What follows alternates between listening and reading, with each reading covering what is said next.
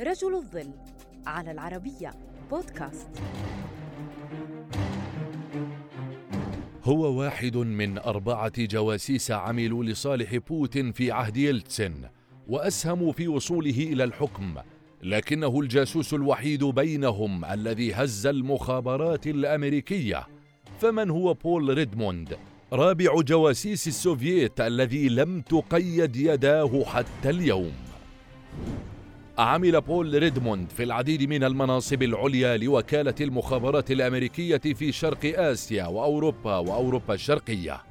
وحصل على وسام الاستخبارات المتميز عام 1994 ووسام الاستحقاق الفيدرالي من رئيس ألمانيا عام 1995 وميدالية الخدمة الوطنية الأمريكية المتميزة عام 1999 كان بول ريدموند يشغل منصب نائب رئيس إدارة العمليات في الوكالة عندما تم الكشف عن اختراقات كبيرة من قبل الاستخبارات الروسية مما يؤكد وجود جواسيس سوفييت في ال CIA هذه الاختراقات منعت المخابرات الأمريكية عن التيقظ للتحركات التي كانت تجري في المعسكر الشرقي. كما مهدت الطريق لوصول بوتين لسدة الحكم في روسيا في عام 1999 سربت آنذاك جميع المحادثات بين الرئيس الأمريكي بيل كلينتون والرئيس الروسي بوريس يلتسين كما تم تسريب هويات الجواسيس الروس العاملين في واشنطن العاصمة إضافة إلى بيانات حساسة لوكالة المخابرات المركزية. وكان يعتقد أنه لولا هذه التسريبات لتمكنت المخابرات الأمريكية من التيقظ لخطط بوتين وتحذير الكرملين. كشف الأمريكان ثلاثة من الجواسيس كان يعتقد أنهم من سرب البيانات المهمة لروسيا خلال فترة الثمانينيات وبداية التسعينيات وهم ألدريتش أميس وإدوارد لي هاوارد من وكالة المخابرات الأمريكية وعميل مكتب التحقيقات الفيدرالي روبرت هانسن. ومن المثير أن ريدموند تولى منصب مدير التحقيق الداخلي في قضية جاسوس روبرت هانسن.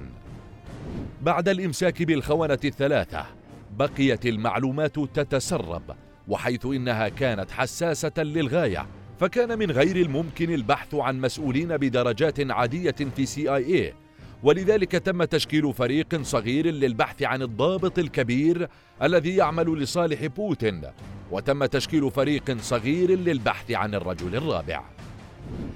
في عام 1994 وبعد أسابيع من التحقيق صوب الفريق أصابع الاتهام لمشتبه به واحد وهو بول ريدموند الذي كان يترأس وحدة ال SIU وهو منصب أعلى من أفراد الفريق لكن الإدارة العليا لم تلتفت للتقرير وتم نقل أفراد الفريق من وظائفهم كما تم حل وحدة التحقيقات الخاصة واصبحت تابعه لمكتب التحقيقات الفيدرالي وفي الوقت نفسه تنحى ريدموند عن منصبه ولم يتم توجيه اتهامات له.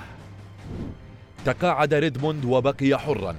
فيما لم يكشف عن هوية الرجل الرابع قبل أن يصدر الضابط الاستخباراتي المتقاعد روبرت باير كتابه الرجل الرابع ليكشف فيه ما كان يجب أن يبقى سرًا.